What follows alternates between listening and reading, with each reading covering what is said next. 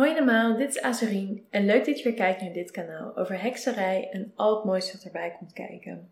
Ik ben bezig met een serie waarin ik al mijn inzichten over alle tarotkaarten ga delen. En we zijn vandaag aangekomen bij de twee kaarten die ik nu ga bespreken, de duivel en de toren. En ik wilde deze eigenlijk als duo bespreken, eigenlijk gewoon omdat het denk ik in mijn ogen de de meest negatieve kaarten zijn. Hoewel de dood, ja, die had hier ook wel bij gekund. Maar er is iets met deze twee, waar de dood wordt nog wel een beetje, uh, wordt best wel vaak nog best wel liefelijk geïnterpreteerd. Hè? Het, verhaal van transformatie en zonsopgang. Maar de duivel, dat zijn, en hier het... Uh, de toren wordt ook wel eens het huis van God genoemd. En je ziet daar zo'n bliksem inslaan. Er vallen mensen uit. Dit is gewoon niet een beeld dat wij mensen graag zien. Maar wat ik meteen wel wil zeggen is. In mijn eindeloze lessen over tarot heb ik inmiddels geleerd dat er niet zoiets is als een intrinsiek negatieve kaart of een intrinsiek positieve kaart. Eh, ze, zien er heel erg negatief en naar uit op het oog.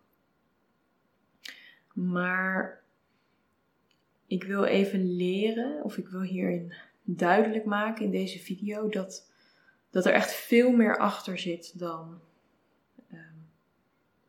dan alleen maar het negatieve, het, het, het archetype dat de duivel en blikseminslag brengt.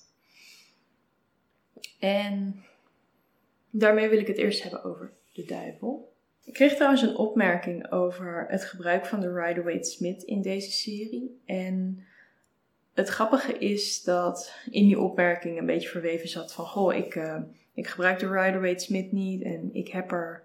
Ik heb andere decks waarmee ik veel meer een verbinding heb. En het grappige is dat ik dat ook heb, want zelf gebruik ik de Rider-Waite-Smith ook niet. Maar op de een of andere manier vind ik het wel altijd een goed deck om dingen mee uit te leggen.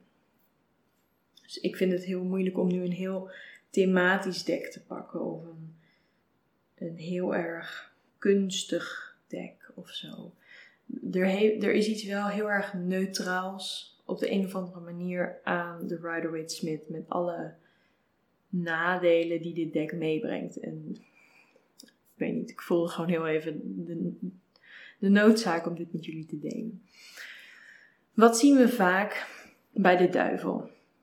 Het is mij wel eens opgevallen dat de duivel de meest creatieve kaart is in de tarot. Er wordt heel erg, om, heel erg verschillend omgegaan met het concept duivel. Uh, in de meest traditionele zin zien we hier twee personen, vaak een mannetje en een vrouwtje. dat is vaak een hint naar de geliefde. Dus de, de, mensen op de kaart van de geliefde. Die zijn vaak vastgeketend. En daarachter is dit grote figuur van de duivel. Maar ik heb ze ook gezien uh, als verleidelijke vrouw of ehm, gewoon iets heel engs, een, eng monster of ehm, een verzameling van dingen die, die vaak verslavend zijn. En ik heb er voor, de, voor het gemak en voor de leuk even wat kaarten bijgepakt, gewoon om te laten zien hoe uiteenlopend die afbeeldingen kunnen zijn. Ik heb hier van de Crystal Vision Tarot een naakte vrouw met een. Uh, oh, het is een granaatappel. Ik dacht dat het appels waren, maar het maakt niet uit. In haar hand, dus het is een heel ander plaatje dan, dan hier. Maar hierin zie je heel erg die verleiding van dingen waarvan we eigenlijk wel weten dat, dat we niet alleen maar op het eerste genot af moeten gaan. Maar er is altijd wel de verleiding die ons lonkt. En Shadow Side van The Witch's Tarot. En dit is gewoon echt angst. Dit, is, dit heeft niks met verleiding te maken. Dit is gewoon alle enge dingen die je kunt tegenkomen. Everyday Witch Tarot laat een, een stel kinderen zien met een man die duidelijk een soort van hint naar een duivel moet hebben. Op de een of andere manier hebben duivels, als ze in mannelijke, dus menselijke vorm zijn, altijd een beetje zo'n zo'n puntbaardje. Dat is best grappig. Uh, die komt daar aan met, met een ijsje, met een zak geld om aan te geven dat, dat hij hen probeert om te kopen. Dus daarin is de duivel weer dat, de verleiding. En dit is een heel ander verhaal waar we eigenlijk de, de hele een Slavische mythe erbij moeten pakken. Dit is van de Golden Wheel Tarot. En het, het verhaal daarachter is dat um, volgens de mythologie moet, um, moet een man de, de, de bloeiende varen vinden om daarmee alle wijsheid te krijgen. Maar die wijsheid die wordt beschermd door allemaal geesten die hem gaan aanvallen op het moment dat hij, dat hij iets met die bloem wil doen. Dus er is ook weer die, het aspect van verleiden, ondanks dat dat een hele, dat heel schadelijk kan zijn, dat dat een heel eng pad kan worden. Hier in de Greenwich Tarot hebben we Nature. En de Greenwich was mijn eerste deck na de Rider-Waite-Smith. Dus dit was wel heel erg op een andere manier moeten kijken naar de duivel. Ehm, en het, het bijzondere van deze kaart is dat de kaart heet Nature, dus de natuur. Maar we zien hier een, een man, een jager, die een berenval hier legt terwijl die beer achter hem staat. En de vraag is eigenlijk hier: wie is nou echt het gevaar? En wacht, ik, ik wil heel even het boekje erbij pakken, want het is wel een hele interessante kaart. This is the card of wild nature, where the path chosen may be joyful and unrestricted or fraught with unseen dangers and overgrown vines. Here, the trapper is setting a bear trap, unaware that a bear is behind him, watching. The man is equally obvious to the fawns. Zie je hierachter. Of the wilderness dancing in the distance clear, distant clearing, one even beckoning to the bear. Choices are the highlight of this card, as are possible rep- repercussions. The warning is that short term goals that require personal sacrifice are not always in one's best interest. Will the bear join in the revelry of the nature spirits, or will it risk being entrapped by reaching into something unnatural? People also choose the direction they travel in their lives, and sometimes what originally seems like a blessing turns out to be, the, to be false. Then the choice becomes whether or not to liberate oneself, staying in a job that pays well but has an unpleasant work environment, or staying in an unrewarding relationship because of the expectations of others are only two examples of how one may take undesired, un, undesired burdens. En hier, wat ik grappig vind, is dat een, een berenval is helemaal niet een verleidelijke val. Het is de bedoeling dat een berenval vooral gewoon niet opvalt. Maar toch heeft de maker hiervan dus gekozen voor een beetje een afbeelding waarin dus de beer gaat kiezen voor iets onnatuurlijks. Maar nogmaals, de kaart heet nature, dus niet unnatural of zo. En dan heb ik nog een laatste kaart die mijn eigenlijk volledige begrip van de duivel zoals ik hem zie heeft gevormd. En dat is deze van de Pagan Otherworlds. En ik heb een keer een lezing gedaan waarin ik deze kaart kreeg. En toen opeens begreep dat ik hem eigenlijk moest interpreteren als. Ehm, nou, ik zag gewoon heel erg deze persoon die zich heeft vermomd als dier. Want het is echt helemaal onderge. Nou, het is gewoon eigenlijk onherkenbaar als mens. Want hij is helemaal uh, gekleed in, in een enorm schapenvel. Maar dat deed me eraan denken dat de duivel eigenlijk staat voor niet mens zijn. En niet mens zijn betekent niet biologisch niet mens zijn, maar eigenlijk alle waarden die wij aan beschaafdheid hebben toegekend. En wij hebben als mens gewoon bepaalde concepten bedacht die wij goed vinden, die wij deugdzaam vinden. En de duivel is, is de kaart die ons laat zien dat de, de mens eigenlijk stiekem ook nog heel erg dierlijk is en bepaalde dierlijke en natuurlijke instincten heeft. En daarom is dit het moment, op het moment dat de, dat de duivel verschijnt, dan staat waarschijnlijk ons zogenaamde reptiele brein aan.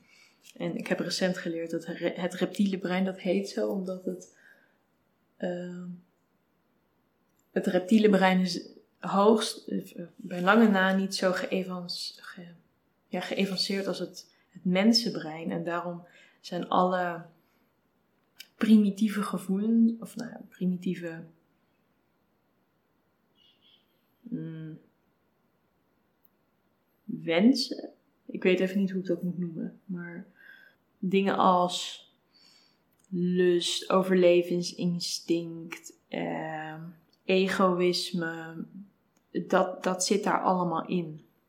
Het gekke is dat wij de duivel in ons leven heel erg zijn gaan zien als iets externs. Dus je kunt de duivel tegenkomen en het is de duivel die ons verleidt tot het slechte pad. Maar eigenlijk is de duivel natuurlijk iets dat in onszelf zit. En het is natuurlijk niet leuk om te leren dat wij, wij mensen allemaal een onbeschaafd stuk hebben. En ik zeg ook niet dat iedereen daar altijd naar handelt. Maar die duivel, dat ben jij. Het is een beetje, als je maar heel even bedenkt hoe bijvoorbeeld deze kaart is ontstaan. We zien een naakte, verleidelijke vrouw en, en denken er allemaal dingen bij. Terwijl die vrouw, die, die is alleen maar. Het is alleen ons reptiele brein dat hier een soort van um, verleiding aangeeft en, en ons vertelt van, oh, die vrouw is mij aan het verleiden. Terwijl, ja, weet je, die vrouw die is alleen maar aan het zijn. Het, het is het reptiele brein dat ervoor kiest om dat als een verleiding te zien. Net als nou ja, hier, die, die zak met geld. Ja, het is alleen maar een zak met geld. Het is letterlijk alleen maar een zak met metalen, um, cirkelvormige objecten. Alleen wij mensen hebben daar een bepaalde waarde aan gehecht. Ik moest vandaag denken aan. Ik zag in een serie een weggegooide spaarpot. En toen diegene het weer oppakte, rinkelde er nog geld in. Toen dacht ik, hoe is die spaarpot ooit weggegooid terwijl er rinkelend geld in zat? Dan moet je maar eens bedenken dat, kijk, dat je achterloos een, uh, een envelop weggooit waar nog een briefje van 20 in zat. Dat heb ik ook bijna meegemaakt. Maar rinkelend geld, dat is iets zo primitiefs. Wij hebben rinkelende metalen objecten zo erg geassocieerd met geld dat je niet weet hoe snel je die spaarpot dan weer openmaakt. Het is bijna ongekend dat dat weggegooid kon worden. Dus zo erg hebben wij die, die associatie ermee gelegd. Maar het is niet de duivel die ons extern dat gaat zitten verkopen. Nee, het is gewoon echt iets heel intrinsieks. En het leuke is natuurlijk, de duivel is een heel erg christelijk concept. En ik heb wel vaker gezien dat in het christendom heb ik het idee dat ze heel erg dit soort waarden buiten de mens willen plaatsen. Dus een soort van alsof de, de mens van nature goed is en vervolgens of verleid kan worden tot het slechte pad van de duivel, of verleid kan worden tot het goede pad van de Christus. En daarmee eigenlijk een stukje verantwoordelijkheid wegneemt, vind ik. Dus wat is de duivel? Het is alles wat ik tot nu toe heb gezegd. Het is die verleiding. Het is inderdaad. Uh, het zijn die angsten. Het is ook verslaving. De meeste. Uh, oh, ik heb wel ontdekt wat heel erg die verslavingen ook, maar die ga ik er nu even bij pakken. Uh, die ketenen die doen mij vaak heel erg denken aan een verslaving, omdat het je altijd vast blijft houden. Zolang jij gebonden bent aan je verslaving, ben jij gebonden aan die kettingen. En dit is altijd een grappige wat ze in de meeste decks ook wel willen aangeven, is als je heel even kijkt hoe deze kettingen vastzitten.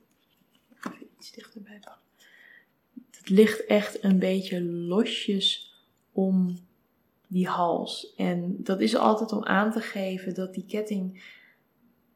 Dat die mensen eigenlijk net een beetje te comfortabel zijn met die ketenen. Het is ook heel interessant om misschien bij jezelf af te vragen of jij ook dit soort ketenen bij jezelf hebt. Dat, dat je weet, ik ben hier niet heel erg chill mee, maar ik voel ook niet heel veel motivatie om dit te veranderen aan mezelf. Ik heb dat een beetje met uh, filmpjes kijken op YouTube. Ik weet dat dat niet goed is. Ik kan veel dingen heel veel beter doen. Um, maar echt het, het, willen veranderen, dat, dat, ik merk dat dat er niet, nou, niet is. Minder is dan ik zou willen. Dus op het moment dat ik de duivel krijg, um, hangt het er natuurlijk heel erg van af wat voor, een, wat voor een lezing het is, waar dit heen gaat.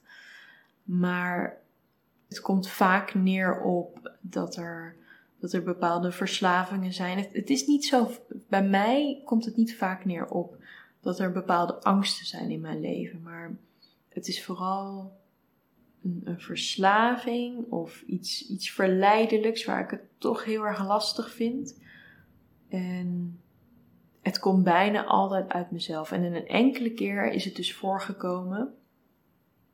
Dat is wat deze kaart mij toen heel erg leerde het ging over een, eh, de lezing ging over een hond. En die. Nou, er waren twee honden. En de een was duidelijk heel erg ondergesneeuwd. En door, de, door die andere hond, die was veel dominanter. En dat was uh, tegen ieders verwachting in. En het baasje van die hond, die wilde eigenlijk een beetje weten hoe hij daarmee om moest gaan. En toen kwam de duivel. En als je dus alleen maar blijft denken de duivel betekent verslaving en angsten, dan kun je heel erg weinig met zo'n kaart. Maar wat ik hier dus heel erg uit zag, is de duivel spoorde die, diegene aan om zich te verplaatsen in de dierenwereld. En in de dierenwereld is bijvoorbeeld hiërarchie een heel erg sterk begrip, zeker in een hondenroedel. Dus wat die hond van zijn baasje verlangde, was dat hij op een hele primitieve hondenmanier zijn plaats in die roedel opnam. Dat het baasje als alfa mannetje zou gaan handelen en niet de hond die zich nu als alfa mannetje ging gebruiken, of, uh, ging handelen, waardoor het tweede hondje echt volledig werd ondergesneeuwd. Maar dat is een totaal andere lezing dan in de meeste boeken. Ik bedoel, heb je ooit de duivel geassocieerd met hiërarchie? Waarschijnlijk niet, maar die, dat, dat stukje dat de duivel je eigenlijk aanspoort om uit de menselijke maatschappij te stappen en veel meer je, je dierlijke instincten te volgen. Ja, dat, dat, dat kwam uit de context. Dat kwam omdat ik deze kaart daar heel erg aan deed denken. Maar zo heb ik dus eigenlijk sindsdien altijd de duivel opgevat. Um, ja, nou moet ik het hebben over de toren. En ik denk dat ik het nog in één video ga doen, maar als je opeens ziet dat ik het geknipt heb, dan uh, weet je waarom. Ik ga hier geen andere kaarten bij pakken, want zoveel variatie als ik heb gemerkt dat er bij de duivel bestaat, zo weinig variatie is er bij de kaart van de toren. Het is vaak gewoon een toren en er vallen één of twee mensen uit met een bliksemschicht. Echt. Eh, soms is de toren een boom, weet je, dat soort dingen. Dus daar komt het vaak op neer. En het zien van de toren is altijd best wel heftig. We hebben het in de tarotwereld ook heel erg over. Oeh, ik had van de week een echt een torenmomentje. En wat dat dan betekent is dat je wereld even compleet en onverwachts helemaal op zijn kop staat. En op zijn grondvesten moest schudden. En dat is natuurlijk ja, wat hier ook gebeurt. Deze mensen die vallen niet voor niks uit deze toren. Dat is alleen maar omdat je het niet ver... Nou, tenminste. Dat is waarschijnlijk omdat ze het niet verwachten en opeens als donderslag bij heldere hemel deze toren werd geraakt door de bliksem en vervolgens in de brand stond. En daarmee uh, slachtoffers vormde. En ja, ik, ik heb de toren dus heel lang gezien als een soort van, ja, een moment waar je gewoon, je kunt er niks tegen doen. Je, dit overkomt je gewoon. Balen, um, hopen dat je goed landt, maar eh, ja, dit is gewoon helemaal, helemaal flut. Tot, ik heb het al bij de kaart van de dood gezegd, ik deze kaart ook kreeg toen ik een tweede lezing deed over het advies wat ik moest doen met mijn stage. En omdat ik de eerste keer niet luisterde, kreeg ik de tweede keer de toren in plaats van de dood.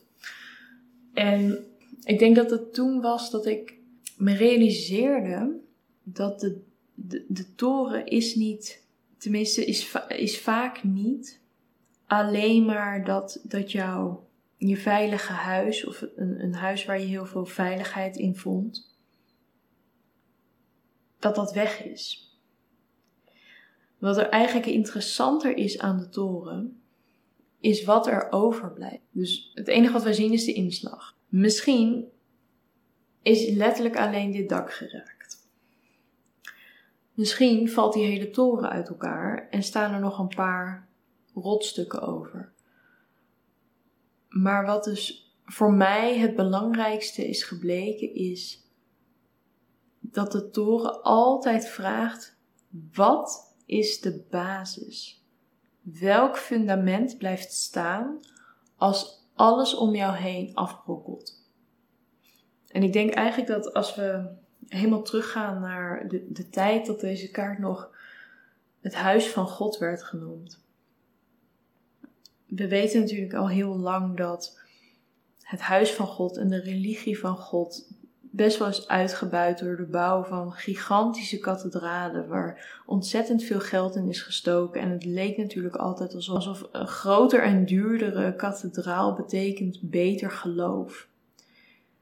En ik denk dat het juist op die momenten was dat het belangrijk was om te weten dat op het moment dat die kathedraal geraakt werd door de bliksem en volledig tot de grond afbrandde of omviel, dat de basis van geloof geloof en vertrouwen is. En de basis van het geloof is niet die stenen. Dus dat haalde een beetje die hele. Tuurlijk, dit soort momenten gebeuren. En de vraag is ook maar hoe lang het duurt voor al het stof is neergedaald tot jij kunt zien wat die overgebleven rotstukken zijn. Maar wat ik merkte is dat als ik deze, uh, deze kaart kreeg en dat het in het begin was het altijd te eng om mee om te gaan. Omdat ik altijd zoiets had van: oh nee, dit zit er aan te komen. Oh nee, mijn veilige leven staat, er, staat op instorten.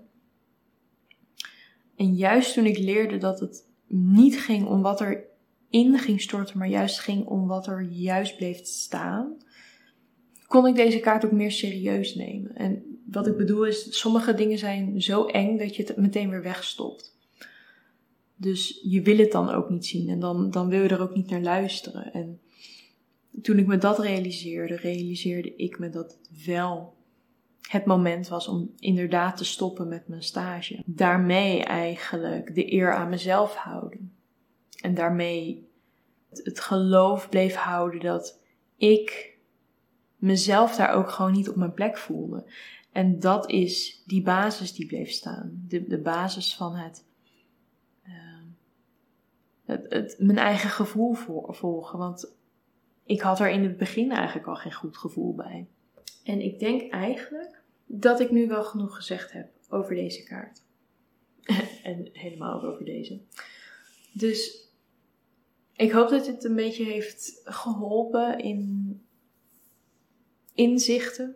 Dus de inzichten die ik door het leven heb, wil ik nu gewoon met jullie delen. Die ik door het leven heb gekregen, wil ik nu met jullie delen. En daarmee wil ik jullie heel erg bedanken voor het kijken van deze video. En hoop ik jullie snel weer te zien in de volgende. Oké, doei!